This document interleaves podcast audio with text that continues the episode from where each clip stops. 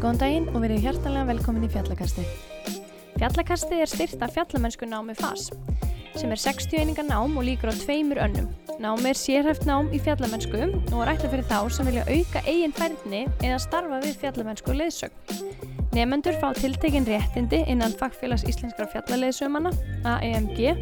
og einnig þjálfun í fyrstu hjálp frá landsbyrgu og ég vil endilega hvetja ykkur til að kynna ykkur þetta nám frekar á fjallanám.is Hjá mér í fjallakastin í dag er hann Anton Berg. Anton er yfirleifbandi snjóflóða hjá Björgunaskólanum og er starfandi undanfari hjá Björgunarsettinni Súlum á Akureyri. Anton er einnig útskrifaður jarfræðingur frá Háskóli Íslands þar sem lokarítgir hans fjallaði um samband veðurs og snjóflóða.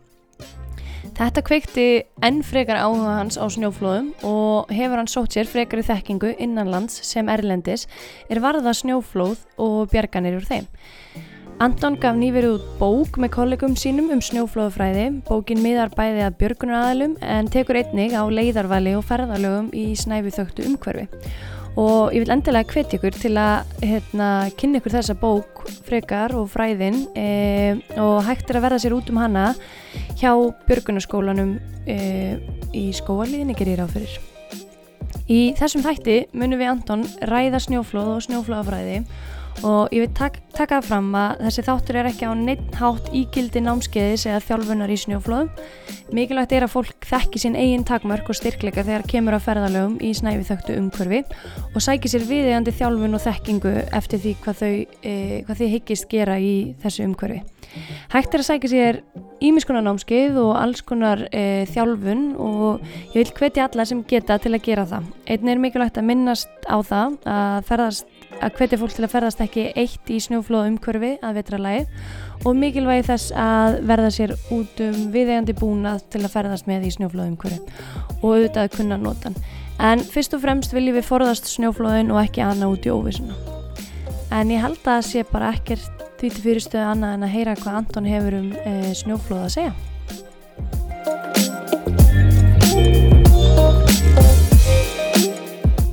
Sæl Anton, eh, takk hella fyrir að koma til mín í fjallakasti. Takk fyrir, sumleðis, kontur vel. Eh, ef við bara byrjum aðeins, svona, hver er Anton Berg? Uh, já, ég er, uh, ég er færstur, 41, uh, er búsettur á Akureyri allir jöfnu og starfa þar sem slökkulismæður og bráðateknir á slökkuliðinu Akureyri. Og svona þess þeim þá er nú búin að vera, vera viðlóðandi útivist og, og svona fjallamennsku eiginlega má segja kannski frá, frá 15 ára aldri. Uh, og mikið speitir að vera yngri og það náttúrulega spilar mikið þarna inni. Uh,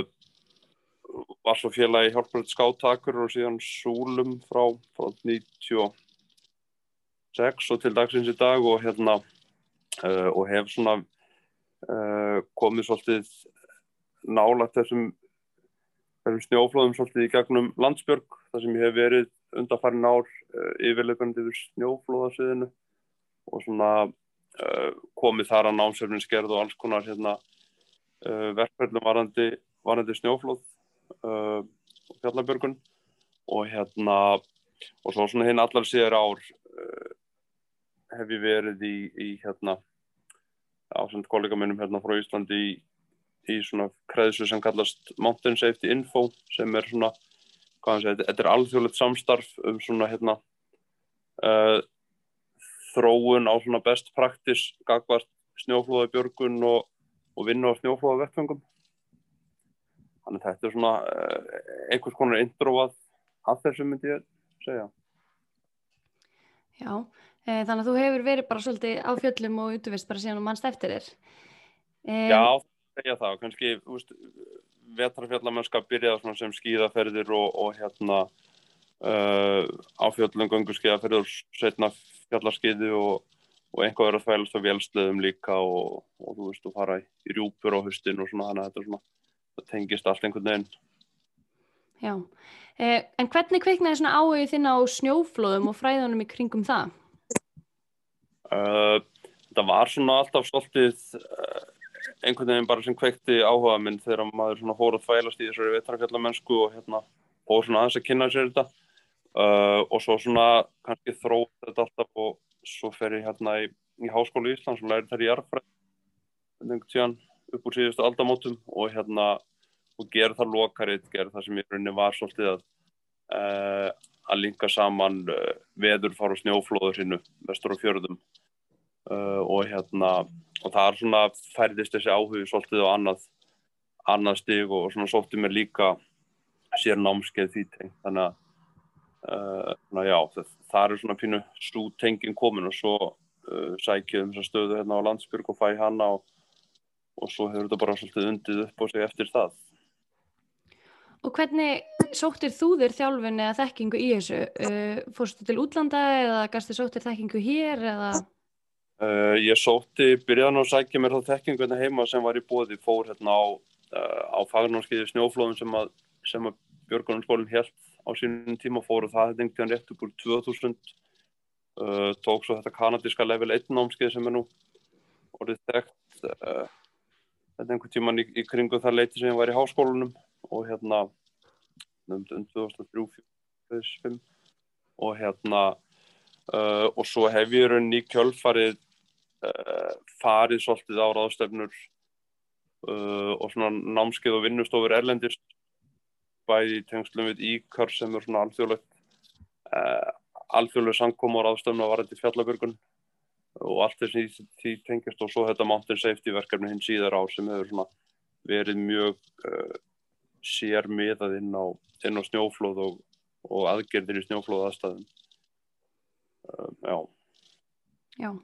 þannig að þú er komið víða við og, sko, og fengið reynslu frá mörgum stöðum greinlega um, en finnst þér eitthvað svona eitthvað enginn á svona íslenskar aðstæður þegar kemur að snjóflóðum? Uh, já, það er náttúrulega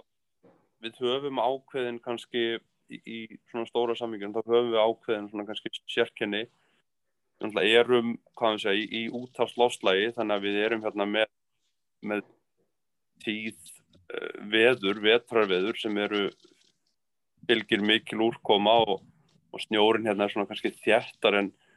en, en gengur og ge, gerist við enn á meilundunum og þessu þar. Uh, þannig að við erum svona með með tilfæðilega miklar snjóflóða aðstæður meðan að veðurinn ganga yfir. Uh, annað sem er að búið til smá sérstuðu fyrir okkur líka er það að, að við í rauninni höfum það er litlar hömlur á ferðum okkar um, um snjóflóða aðstæðunar það er að segja það, það er engar það er litlar og ofinbærar hömlur því hvernig við ferðumst og hvert þannig að það er talsverðu kúltur fyrir ferðamennsku hjá okkur hérna á, á landinu inn í aðstæðunar og náttúrulega hinn síðar ári hefur náttúrulega aukist líka þessi, uh, þessi fjallarskiðamennska þar sem fólkir er að fara pínur svona þanga sem það vil fara þegar það vil fara. Þannig að það í ofanálag við uh, talsveit mikinn velslega kultúr uh, og síökna tilluskiðamennsku er náttúrulega er að verða ákveðin áskorun. Gagvast svona þessum fysisku aðstæðum og hvernig það er spilað hérna inni þá náttúrulega þá er snjóþykjan og almennt frekar fljótt að setjast til hérna á landinu. Þannig að, þannig að uh, við erum kannski ekki oft með óstöðuar aðstæður mjög lengi. En svona kannski skemmtilega sem að taka þetta að þú veist að taka þetta við tala um akkurat núna því að núna það gekk hérna yfir talsveit mikil, mikil úrkomi við stóran hluta á landinu nýverið og hérna uh, sem var við að setjast ón á frekar lítinn snjó þannig að það er svona uh, og, og búið að vera kulda tíði lengi og verður áfram þannig að það verður svolítið áhugavert að sjá hvernig þessi svona hvort við séum að sjá einhverjar, einhverjar veikingar út af kantkristallamyndun svona á botninum á, á stórmsnjónum og eða svona mörgum stórmsnægurins og, og hérna og hjartin sem var fyrir. Þannig ég gæti alveg trú að við verðum að sjá svolítið áhugaverðir aðstæði núna á næstunni og og svo er náttúrulega hitt þetta sem við höfum svolítið verið að sjá hinn síðar árað að þegar uh, það hafa orðið hérna nærstlis eða slis af um hinnum síðar árum þá er það oftar en ekki að verða í þessum aðstæðum sem er kannski frekar grunnur vindfleiki lémegin uh, það er að segja það er lítill snjór almennt í fjöllum en svona á afmörkuðum svæðum blémegin næra sapnast upp þunnur vindfleki og þunnan snjó og oft vil verða þessi kantkristallamyndun og veiking þar á mörkunum og, og fólk hefur verið að vannmeta þessar aðstæður svolítið að, að það sé lítinn snjó en fer í aðstæðunar og, og það hafa orðið slís, uh, banaslís uh, og, og nærslís út af þessum aðstæðum hérna hinn síðar ár.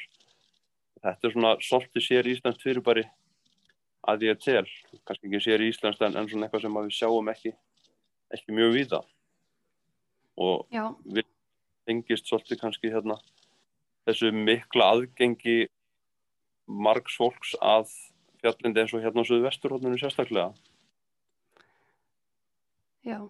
eh, einmitt áhugavert verðar aðstæður sem er núna í kringum okkur allstæðar uh, og ég var einmitt að skoða bara á hérna við viðstofunar uh, að 27. janúar þá hefði verið skráð 120 snjóflóð í gagnagrunnin síðastleina tíu daga eða síðan 16. janúar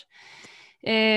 og þetta er náttúrulega einungisflóð sem viðstofan fær tilkynningar um þannig að maður gerir ráð fyrir að séu klárlega fleiri snjóflóð en, en það e, og svona snjóflóð sem þau eru kannski töluðum að það væri svona óvanalega eins og snjóflóð í auksnadalsheiði og eitthvað slíkt e, með að við það sem kom fram á viðstofunni og og svona óvanlegt að þetta sé svona mörg, í svona mörgum landslutum á sama tíma. Og einmitt núna er fjallarskiða mennskan alveg að fara á flug e, virðist vera og allir kaupa fjallarskiði og drífa sér út og mikil spenna að komast út að prófa dótið og einmitt erfitt þegar loksins snjórin kemur þá er bara ekkert rosalega góðar aðstæður e, en finnst þér svona e, fólk vera meðvitaðara um þessa hættur núna e, að því að eins og við sjáum þarna einhver met í rauninni skráningu ofanflóða e, eða snjóflóða e, svona á þessum tíma kannski e, finnst þið vera meiri vitundavakning eða eru við bara meira að tala um þetta og þessum skráningur að vera algengari eða hver er þín upplifin af því? Uh, það er kannski erfitt að fullir það einhvað en, en mér finnst mjög ánægilegt hvað við erum að fá mikið á skráningum inn hjá veðurstofunni. Uh, frá því að veðurstofan fyrst byrjaði að skrá þá var kannski tók þetta smá stund að taka við sér. En það sem er andla kannski auðvelt í okkar samfélagi með að við mörg önnur er það að hérna að sko þetta, þetta er mjög kreðsu tengt áhugamál. Þannig að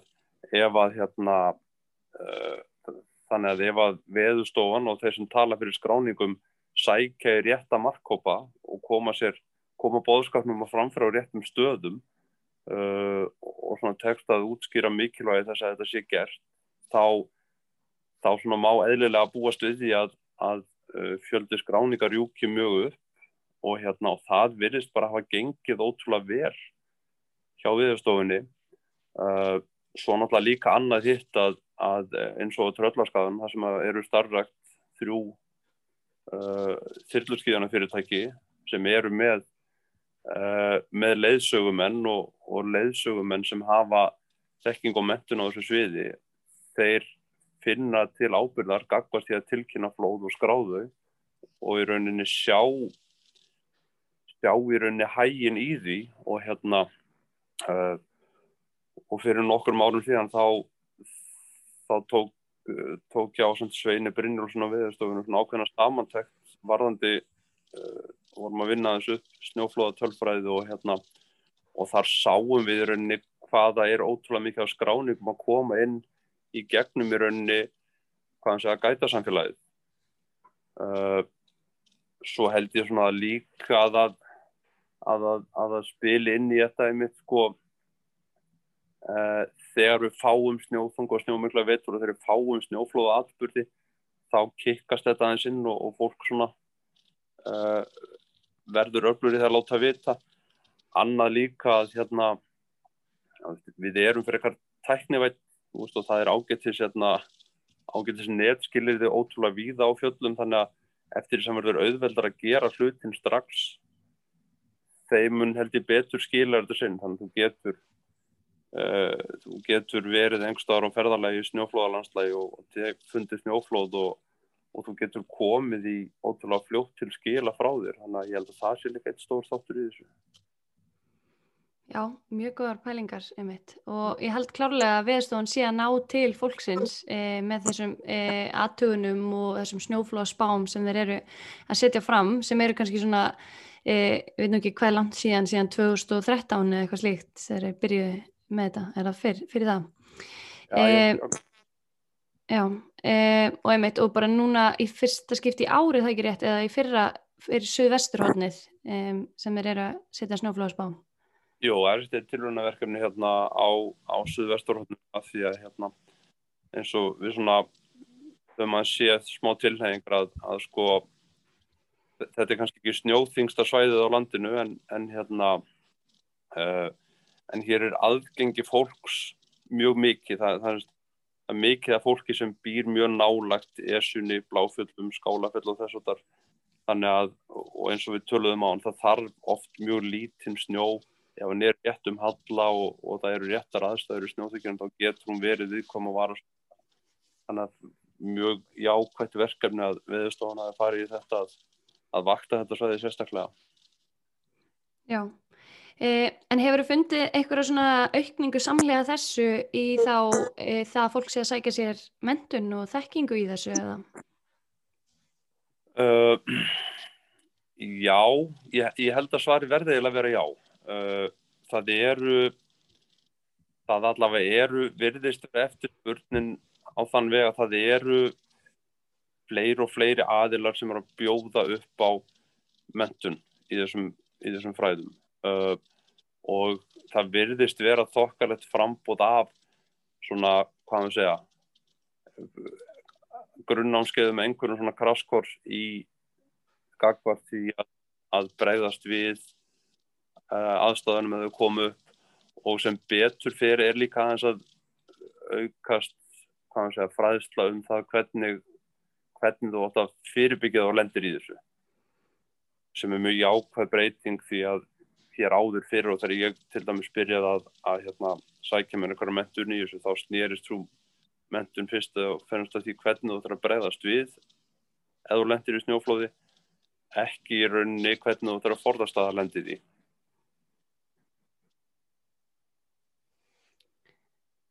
Uh, já, og hvað hérna, þú veist, eru þið þá núna svolítið að færa efnið í þá áttina því að kynna frekar fyrir fólki þá leiðarval og, og þær hættur sem að fylgja landslæginu, veðurfarinu og svo leiðis eða?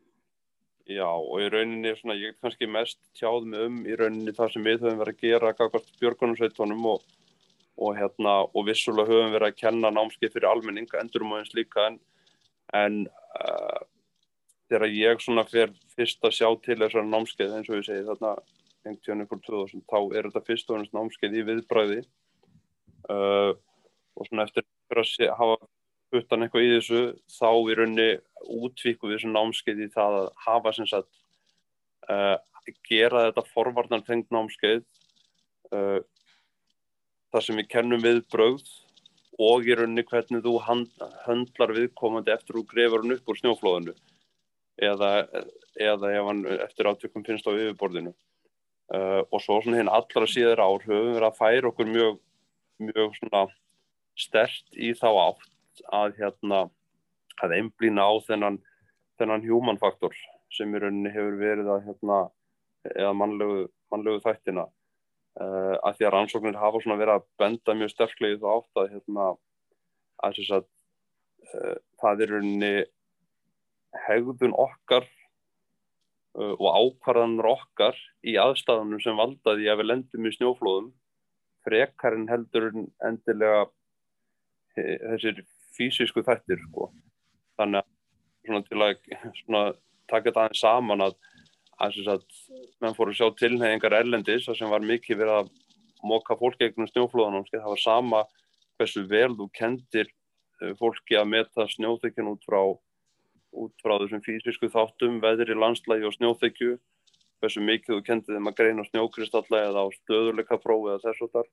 það er unni, það fækkaði ekkert sliðsson uh, þannig að hérna þannig að það var meira að fara einblýna á í rauninni kjölfarið af uh, uh, af bara rínum á atbyrðum sem urðu að, að, að það komi ljós að að stórt hlutall af snjóflóða átspörðum varð út af því að fólk var að draga rángar álíktanir eh,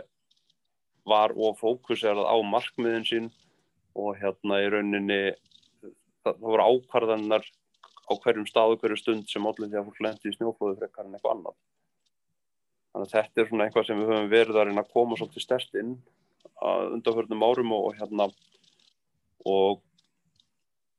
þetta kemur fólki einhvern veginn rosalega mikið óvart þegar því ég er sagt þetta en, en svo eftir sem þetta er útskilt betur þá svona einmitt hérna hvað maður segja, það áttar fólk sér betur og betur á því að þetta er meinið sko. en að sjálfsögðu þetta þýðir ekki það að við höfum horfið frá því að að kenna fólki að rýna í þessa eðlisvænu þætti heldur, heldur vinnu við svolítið með að láta þetta allt saman harmonera saman sko. Já,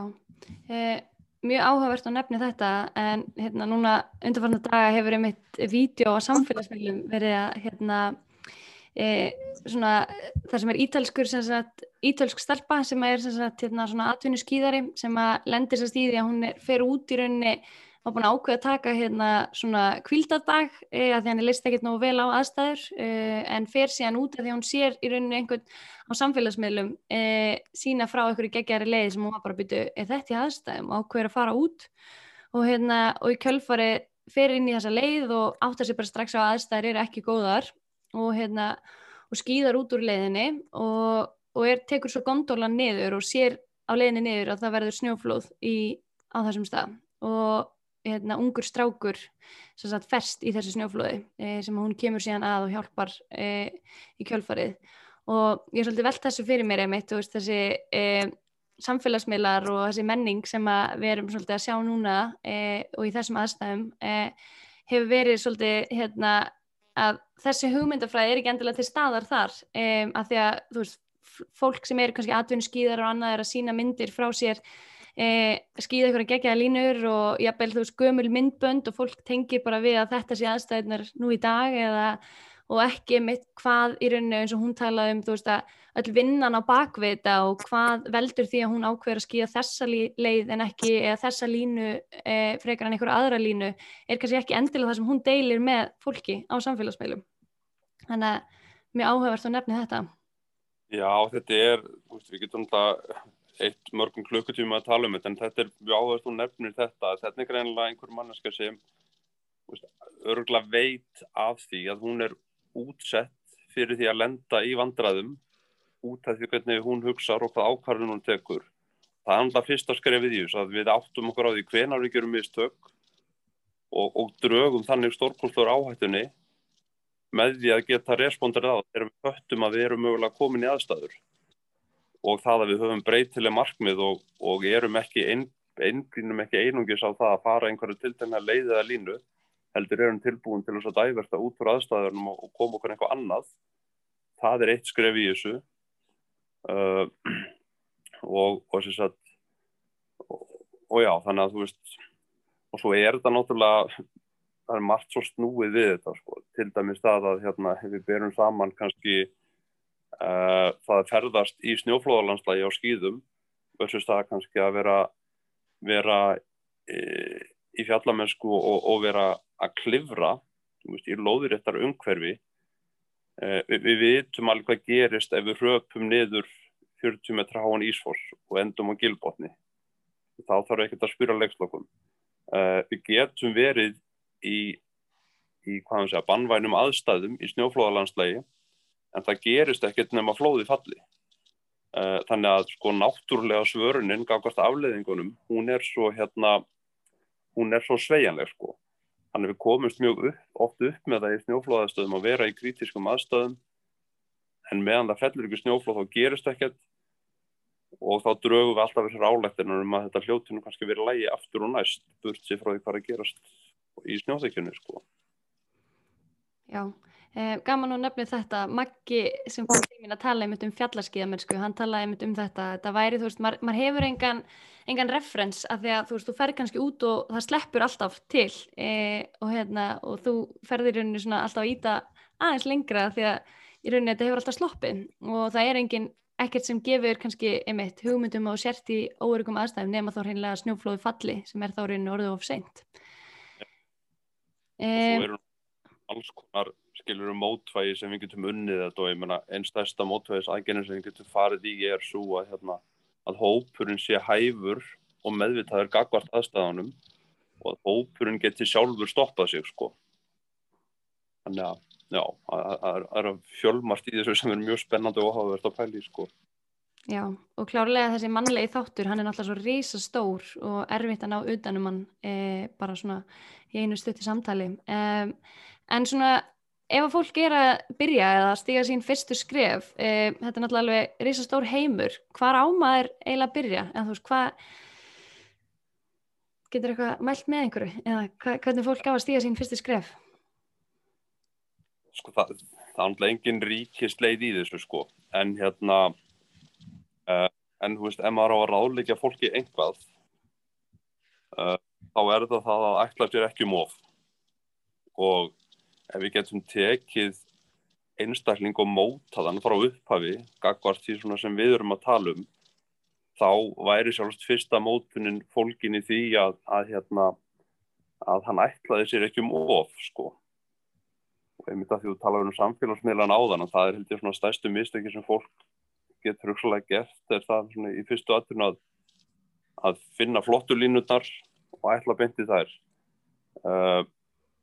eins og ég segja ef ég ætta að móta sjálfan mig hvert þessum aðstæðum í dag þá myndi ég fyrst vilja vera góður í því að, að meta sjálfan mig og mínar ákvarðinu hvert hættunni. Uh, og fara svo að velta því fyrir mér sko hvar hérna hvar ég má vera og hvenar og, og hérna og læra það hans að rýna í snjóþykkin og, og, og stöðuleika með það hana. Uh, og einhver tíman eftir það myndi ég fara að læra á ílin og, og skóplun og stöngina til þess að áttamöðu hvernig og bregða stuðið en hvað kemur fyrir sko. en sko og þetta er svona við, sjáum alls konar sko uh, fólk sem lendir í einhverju fólk sem lendir í snjóflóðu og hérna og sleppur með skrekkinn uh, og svona ef við draugum upp þessa vestur sviðsmynd sko þegar einhver grefst í snjóflóði og honum er bjargað uh, og, og við fyrum alltaf að setja fólk á stalla. Veist, fólki, þetta gekk svo ótrúlega vel. Það gekk svo vel að grafa viðkomandi upp úr flóður en það einhver að við lendi í flóði segir okkur það að hann var búin að gera mistök. Hann átti ekki að lenda í þessu flóði. Þannig að hérna uh, mistökin er náttúrulega bara til að læra af þeim og miðla af þeim og hérna hann er við svona vonum að hérna að þeir sem að lenda í þessu bara uh, miðla af reynslunum sinn og hérna komi henni til skila og það er svona kannski líka það sem maður myndi vilja uh, vilja koma fólk og það er það að það miðli og ekki síður að það sko að tala um og opni á þessi nærsli sem það lendir í eða tjáus um það þegar það er kannski átt að sá því að það er komið út fyrir rammansinn sko. Já, þannig að þekka eigin, eigin styrkleika og takmarkanir er kannski svona fyrsta skrifið til að, hérna, að skilja hvað maður er staðsettur í ferlinu. Já, eins og. Já, um, en já, þetta er, þetta er hérna, áhugaverð umræða á margan hátt og einmitt áhugavert að pæla í þessu, þú veist að hérna, uh, umræðan um þú veist hvað fyrir gegnum hausin af fólkinu sem er í þessum aðstæðum eh, ekki þá, ekki, þá er ekki að meina þegar fólk lendir í snjóflóðendilega heldur bara þegar það er að skýða einhver ákveðna línur eða fara í ákveðnar ferðir að, að svo umræða mætti koma kannski meir upp á yfirborðið mitt að, að við tölum um þú veist hvaða ákveðinu tökum við erum að taka og af hverju við erum að taka þessar ákveðanir en að fara þessa leið en ekki þessa leið. Og kannski er mitt eitthvað sem mætti vera meira í svona opnu e, og þá kannski er að tala um svona útfrá kannski samfélagsmiðlum og annað slíkt að þeir sem eru að stunda það að skýða hérna, og, og sína 20.000 manna af því að hérna, kannski þessa umræða mætti alveg vera opnari um, en telur þú svona hérna, hafið þið gert einhverjum svona samantæktir eða rannsóknir á því þú veist þessum, eh, hvað hefur verið að valda svona snjóflóðum eða hérna, svona nærslísum eh, í snjói snæfi þögtu umhverju á Íslandi eða? Uh, veist, rannsóknir ég get ekki nótórið rannsóknir yfir það sko af því að þú veist rannsók þá þarf að liggja bækja rosalega laung og struktúri sem þú vinna. Uh, en við höfum svona bara, við höfum talað við fólk og við höfum skoðað eins tölfræð og gett ákveðna tendir það. Uh, meðal annars kakvar þessu sem við svona opnum aðeins á hérna uh, fyrir samtaluna hérna að fólki er virðist oft vann með það litla snjóin en lítill snjór verður hættulegur í miklum halla og landaskildrum þá þarf minna til að fara á stað og, og hérna og við erum útsettari fyrir að lenda í í slissum uh, og annan náttúrulega sem við líka búin að tala með um er þessi, þessi human faktor þessi sko veðrið er gengið yfir og, og það er komið gott veður og það er rosa mikil snjór. Uh, vélslega þetta er mjög kraftmiklir. Uh, öll hérna öll hetjuvídeóin á Facebook þau ítókur út í það að, að skýða brattar og í, í meiri aðstæður. Að þetta virðast allt vera hlutir sem að eiga við hérna eins og annar staðar. Uh, og eiginlega ekki síður hér því að eins og við tölum á það eru litlar takmarkanir og það er mjög gott aðgengi að í rauninni uh, að vara sem aðstæðum. Uh, þannig að hérna þannig þetta er svona, þetta er svona hlutur sem, að, sem við erum að sjá svolítið mikið uh, og, og svona verða áskynja í samtölum okkar við fólk sko. Og svona líka sem við erum mikið að brasa með er svo þessi hvað við segja þessi vingil að vera að að fræða og þjálfa viðbræðsæðila og, og það er náttúrulega svona eins og einn vingil sem er er svolítið snúin því að það að, að þjálfa viðbræðsæðila sem þurfa að fara inn í aðstæður þar sem eitthvað hefur gerst það er þetta búin að búa til mjög mikinn pressufaktor það er þetta búin að búa til þann faktor að, að, að þarf að bjarga einhverjum í aðstæðum sem eru pottið varasamar af því að einhvað gerðist þar sko. uh, á meðan á svona dagstaglega e eigum við nógu erfitt með að höndla sko uh, sko uh, hérna púður sæknina í okkur og, og það að vilja verið sólinn og góðaverinu þegar það er allur áinningurinn og við setjum hans og í samingi við, við hinn raunverulega áinning að þurfa að fóra bjargengurum þá náttúrulega verkefni verður ofta ærið og erfitt en, en nálgunni er þessi að reyna að uh, hvað hann segja uh, koma fólki í skilningum það að það eru við sjálf sem erum okkur hættulegust sko. Já um, hvað með svona eins og þú veist e, að þú talar um þetta aðgengi fólks að þessum svæðum og þessum stöðum og svona litlar takmarkanir e, og núna erum við náttúrulega með þessar snjóflóða spár sem eru samt líka á mjög takmörku um svæðum og kannski þú veist e, spanna stort svæði án þess að endur speikla endilega aðstæður í stóru, stóra samhenginu og þú veist, eh, að því við erum kannski, jú, við erum alltaf með svona frekar lítil skíðasvæði til dæmis með að við erlendis og annað og kannski minna svona, þú veist, við erum ekki að sprengja, e, þú veist, snjóhengjur eða snjóflöða hérna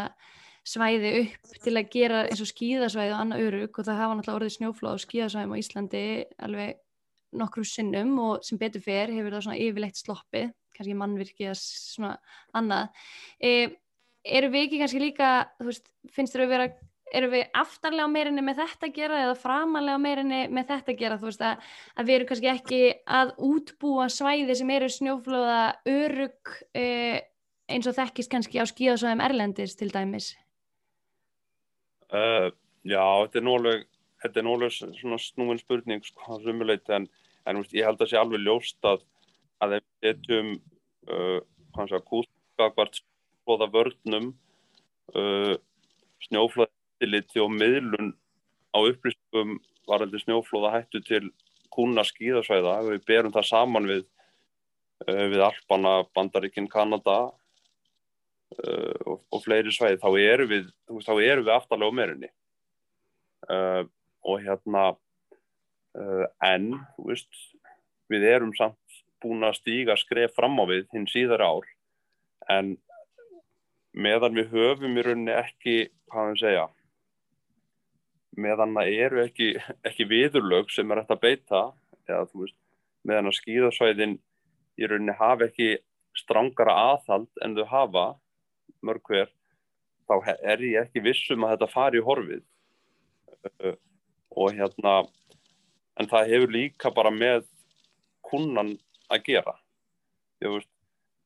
Íslendingnum virðist vera almennt sko, ég ætla ekki að segja honum standi algjörlega á sama en ég held að Íslendingnum sé svona nokk sama miða við fólki örfbónum til dæmis um það hvernig ástandið er á söðunum hér. Við viljum pínu fara bara okkar leiður og fara okkur fram og við erum bara svona pínu til að taka afleðingunum sko. Eða ef við erum það yfir höfuð meðvituð um afleðingarnar. Þannig að hérna, uh, hann, já, svona, ég saknaði þess bara pínu að kultúrin sé ekki komin lengur en er komin uh, og það að, að sko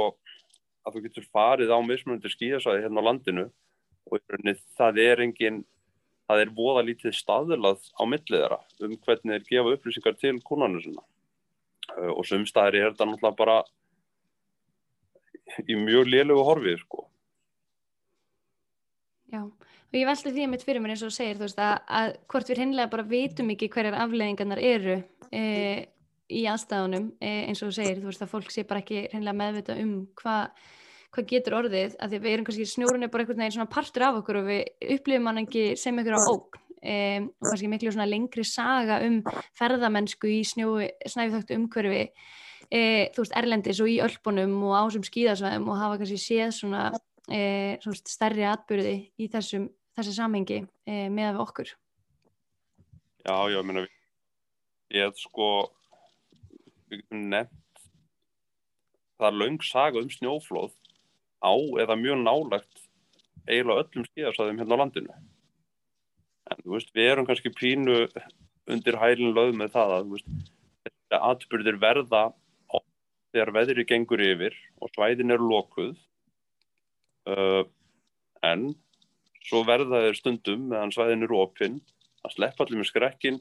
en það er bara einhvern veginn ekkert, ekkert gert í því sko. Meit um, Já, það er, þetta þetta er hérna, áhugaverða pælingar og maður er einmitt svona, þú veist, eftir, ef maður er búin að vera erlendis að ferðast um, þá er áhugavert að bera saman, þú veist, að því maður fær mjög, oft mjög dítilar upplýsingar eh, úr snjóflóða spám og annað e, fyrir ákveðin sértæk svæði, þannig að þú getur einhvern veginn undirbúið þig mun betur heldur en kannski á hefbundum skíðadegi á Íslandi með það að gera, þú þurft að vinna vinnuna kannski meira sjálfur heldur en að, hérna, að við þekkjum fyrir þá sem eru kannski erlendis að skíða. Mm -hmm. Það er mismunandi millir svæða, það hafa ákveðin svæði stígið skrifir lengra en, en mörg önnur og en veist, að mörgu leiti er maður hefur maður tækið til að undir betur í sko bakkantri umhverjunum eða að fara, ef maður er að fara inn á ofanflóða spársvæði hjá viðstofunni heldur en maður getur unni gert inn á,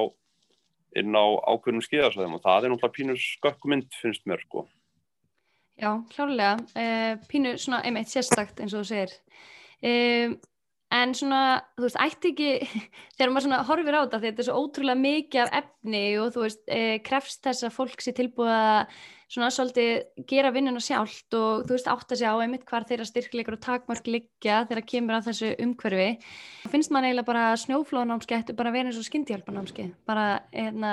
allir þurft að fara í upprýfin og tvekjar á fresti til að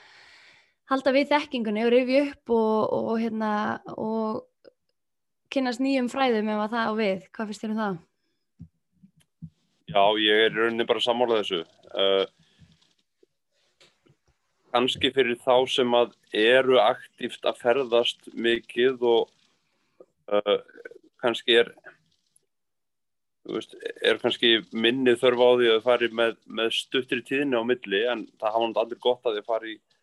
uh, á endurmöndun eh, eins og oft og hægt er sko og hérna bara svona hlutir eins og og enn og aftur við svolítið brennum fyrir það núna að reyna að koma þessum human faktor sem víðast við séum með þessum námskeið að það er svo ótrúlega mikilvægt að við getum farið þá leið að sko uh, taka hálfan eða heilan bara ferðadag sem námskeið. Það sem er markvist að fara bara yfir leiðarval tækni við leiðarval, hvernig þú undirbyrðir fyrirferðina, hvernig þú hegður þar í ferðinni og ekki síst kannski hvernig þú hagar samskiptunum innan hópsins og, og við erum svona aðeins verið að prófa þetta áfram á, á sumum þessar björgunanámskeið og, og við höfum verið að sjá svona mjög áhuga verið að vinkla að koma fram þar uh, gagbast þessari svona ferða tilhugun sko. Þannig að þetta snýst ekki lengur bara um það að nota ílu og móka. Þannig að stuttasvarið, jú, þetta ætti að vera endurmettanir og, og fólk ætti að vera dugletið að fara sem oftast. Já, hljóðlega. Eh, en hvernig heldur að við svona almennt á Íslandi, þú veist þú kannski að talar út frá bara svona viðbrásaðilum aðeins, eh, svona, eru við í stakk búin að takast á við eh, svona stærri snjóflóðu eða snjóflóða atbyrði? Uh, uh, ég get sagt þokkalega, en ég get líka bara, þú veist, ég væri pínu að ljúa ef ég segði að við værum alltaf í góðum málum. Uh, og hérna og, og við, höfum, við höfum líka séð það að sko við getum verið ansið góði í tækniatriðum. Við getum góði að nota nota ílinn og, og hérna skoblun og stöngir að ná fólki upp. En það sem við þurfum kannski aðeins að tileka okkur meira er kultúrgagvast svona viðbras áallunum það er að segja við þurfum að átt okkur á þau hvar hvar hægt áhættunar okkar eru. Segja, hvar þar eru landfræðilega. Uh, við þurfum að setja viðbráðs áallanir og við þurfum að æfa eftir þeim. Uh, og ég get svona kannski tala fyrir mitt svæði að við höfum núna talsvert langt skeið uh, það er svona 6-7 ár síðan við byrjuðum á því að æfa viðbröðið snjóflóðum í hlýðarfalli uh, við höfum æft þess áallun og, og í rauninni alltaf útvikað þessar æfingar og þessar áallanir þannig að núna er rauninni eiguð þarna til æfðar áallanir gagvart uh, sem í rauninni tekur á öllu frá viðbræði viðbræðsæðila á vettfongin og í rauninni hvernig viðkomandi er staðsettur grafinu upp og hvernig hann er komið allt inn á spítala. Uh, ég vona við sjáum viðlíkað þróun í viðbræðsállunum og viðbræði almennt allstaðar á áhættu svæðunum okkar. En svo er það náttúrulega líka bara annar, annar faktor í þessu að sagt, þessar viðbræðsállunir náttúrulega byggja á því að við fáum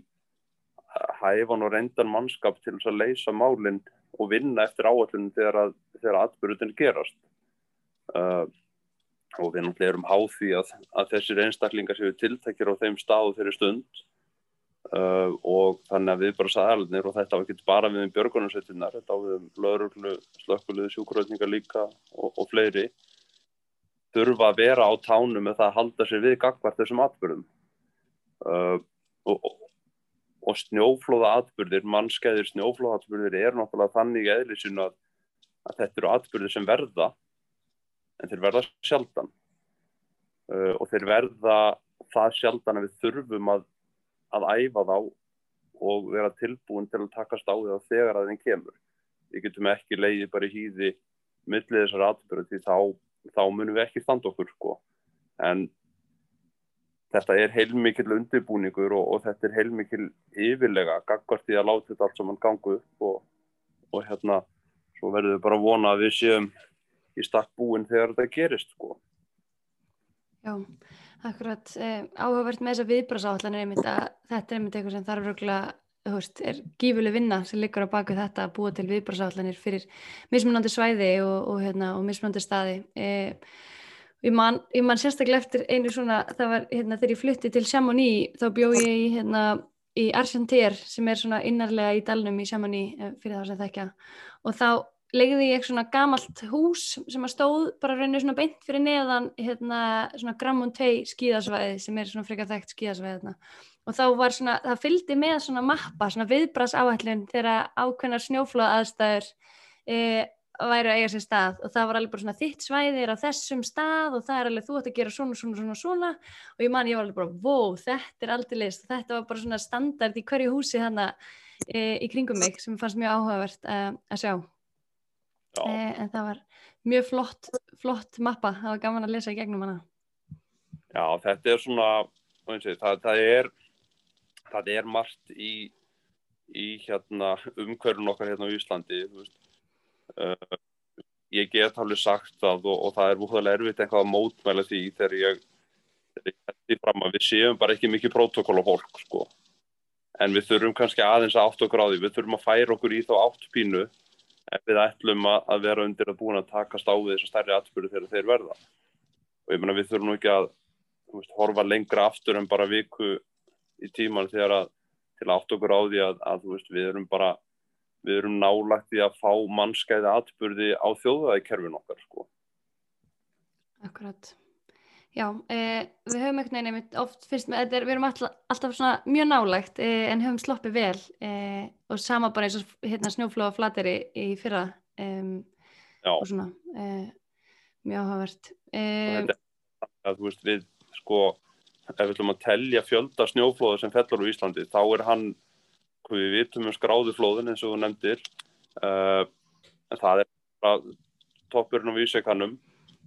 það er unni sára að fá flóð sem að einhver lendir í.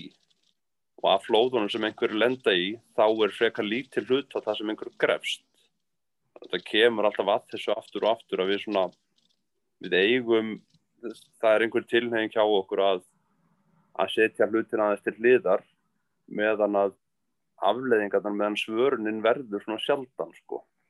Þannig að, já, já. Einmitt Akkurát, við þurfum að halda okkur við ef við ætlum að vera tilbúin þegar, hlutinni gerast. Um, en ef við svona færum okkur aðeins bara að þér persónlega, hefur þú eitthvað lend í einhverju í svona snjóflóð umhverfi eða eitthvað svona sem að hérna er verðt að segja frá? Uh, já, já, þú veist, það væri svo sem rámt að segja að það hefði ekki gerst, sko. Uh, þú veist, svona kannski það sem ég svona persónlega hef svona kannski, já, orðið hvað næst í að skaði mig var var í svona, já ótu lausastnjóflóði vestur á, á Jökulfjörðum fyrir nokkrum árum. Uh, og hérna og bara næstuð út í sjó með því. Og hérna og svo, svo sem hefur bara orðið orðið vittnaði að ferðarfélagið mér hafi lent í svona, minni áttar flóðum. Uh, og svona kannski mest að svona snjóflóða aðgerð sem ég hef beint verið þáttakandi í var hérna fyrir nokkru mánu síðan þegar við hérna uh, tókum þátti því að, að grafa þar upp vélstæðamann sem hefði grafist í vélstæðaflóð og, og koma honum til byggða. Þannig að svona þetta eru svona kannski helstir þessir atbyrðir sko en, en svona en svona ef maður á nú að segja samt frá einhverju sem er svona kannski ljóman og lítilvægt en maður er ennú svona, svona kannski hvað ánaðastur með er það svona eitt því sem maður hefur nú þroskast gagvart þessu þá hefur maður alveg, getur maður alveg sagt frá því að, að sko maður hefur alveg snúið við og breytt plönunum í nokkur skipti. Sem er svona bara einhvað já, sem maður einhvern veginn kann alltaf betur og betur að meta það í, í hvert skipti sem maður hugsaður um það.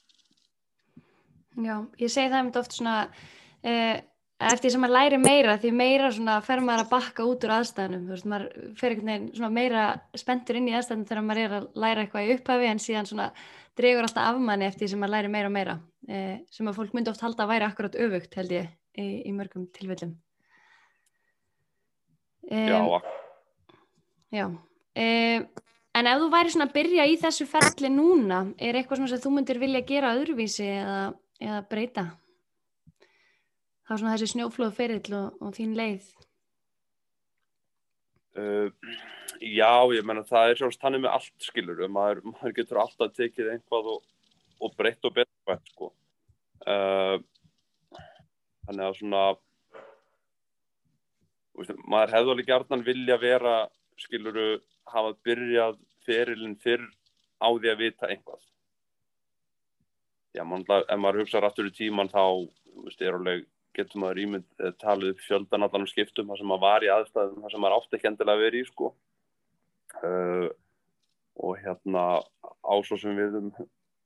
margt annað í þessu fjallabröldi heldur en bara, bara snjóflóð sko. Uh, og hérna og svona já og einmitt kannski það hefur líka gerðnan kannski svona ef maður hóður aftur í tíman við kannski fyrr átta sig á því hvað maður raunni vissi lítið þegar maður var bara orðin ótrúlega flinkur að leita með snjóflóðili og mók einhvern upp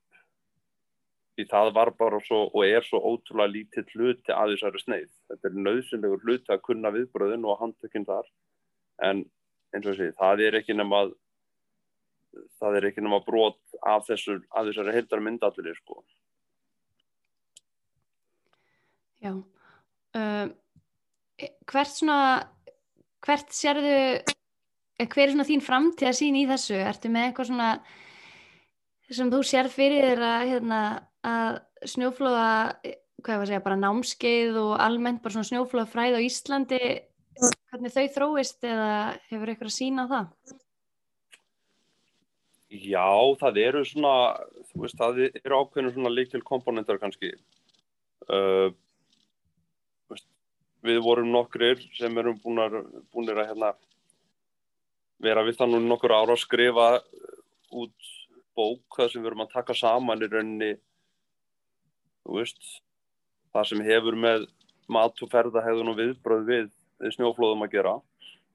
Uh, okkur svona langar að halda áfram að nýta það eins og hérna uppfæra það og betrum bæta uh,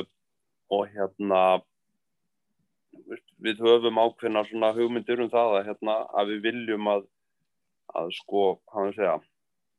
þekkingin verði útbreytari meðal fleiri viðbrásæðila þeirra viðbrásæðila sem koma að þessum hérna eh, atbyrðum uh, því að eins og staðin er núna þá er það þannig að sko við eigum skilgrunda viðbrásæðila sem takast á við þessu útköll en staðrindin er eins og það er svo að að geta þessar viðbröðsæðila ræðist ennþá af þeim einstaklingum sem eru tiltakir uh, hjá þessum viðbröðsæðalum eins og staðinni núna. Þannig að, uh, þannig að við eigum of fáa og of lítið dreifða einstaklinga ennþá til þess að geta sagt að við verðum að við, að við getum tekist á þetta af, af bestu getu ennþá. Uh, og svo svona myndi ég gerðnan vilja sjá það. Að það er því svona meira hvað við segja meira útbreytar og samtal milli þessara kreðsa sem eru mest að koma að þessu. Við getum þá ímyndað okkur að, að sko aðilar eins og björgunarsveitinnar uh, leiðsögumenn uh, laurugla, slökkulið veðurstofa, vegagerð uh, og svona hvað við segja þau, þau sveitafjölu sem eru á áhættisvæðunum svona ættu segja, svona viðtækar og meira samstarf um þessar hluti uh, hefur aðeins fæst í horfið hinn síðar ár en, en og jú, tala nú ekki um skíðasvæðin sko, á formi hlutafélag að hérna, þetta er svona hluti sem ég myndi vilja sjá að að þetta er þetta veruleik og ég held við hefðum þetta rosalega mikið gagn af af svoleiðis, hvað maður segja útvíkandi samráði sko. Já já, við vonum það bara að þetta haldi áfram og við erum allavega einhverstað að byrja, skráningarnar er að aukast og, og, hérna, og það er meira svona samtal um kannski snjóflóð og það eru hérna, þessar snjóflóða spár er að verða e, fleiri og betri, e, þannig að við erum allavega einhverstað verðum að byrja. En svona, er eitthvað sem að, að lókum sem þú vilt að fólk taki með sér út í veturinn sem að þú vilt að hérna, koma fram? Já, bara svona einhver, einhvað almennt heilræði í einni setningum Já, já, það með, að vera þrjársetningar sko, ef, ef það er þannig. En það er svona, þátturinn í heildi kannski almennt heilræði til fólks, en svona það er eitthvað svona sérstætt sem við þurfum Já, ég menna, þú veist uh, þú veist ég held bara við gefum segjum það aldrei of oft að þú veist gagvart þessari snjóflóðahættu veist, það er svona bara eina af mörgum hættun sem við stöndum frammi fyrir í í þessari vetarferðamennsku uh, og hérna og þú veist bara e-, ekki vannmetta þessa þessa hættu veist, lærum að forðast hana og, og lærum að breyðast við hana en við skulum samt alltaf hegðu okkur þannig að við ætlum ekki að lenda í þessu sko. Uh, og hérna og þú veist og, og bara já, förum á námskeið og leitum okkur það hjá fólki sem getur álætt okkur uh, og, hérna, og við erum algjörlega óhætt við það að, að, að segja ferðarfjörðum okkar, okkar skoðun og, og, hérna, og snúa við eða, eða breyta planun ef okkur líst ekki á aðstæðunar sem við erum að fara í. Og þetta er ekki mjög... Þetta var mjög gott, þetta var alveg hérna, bara mjög góði punktur til að fara með út í veturinn og út í, út í þennan, þessar aðstæður sem eru allavega í gangi í kringum okkur núna, held ég. Mm -hmm. eh, takk hérlega fyrir að koma til mín og ég held vafalust að við gætum örgulega að spjalla í marga klukkutími viðbót ef, að, ef við hefðum tíma í það, en takk hérlega fyrir að koma til mín í fjallakasti. Já, takk svo með því, Sólug.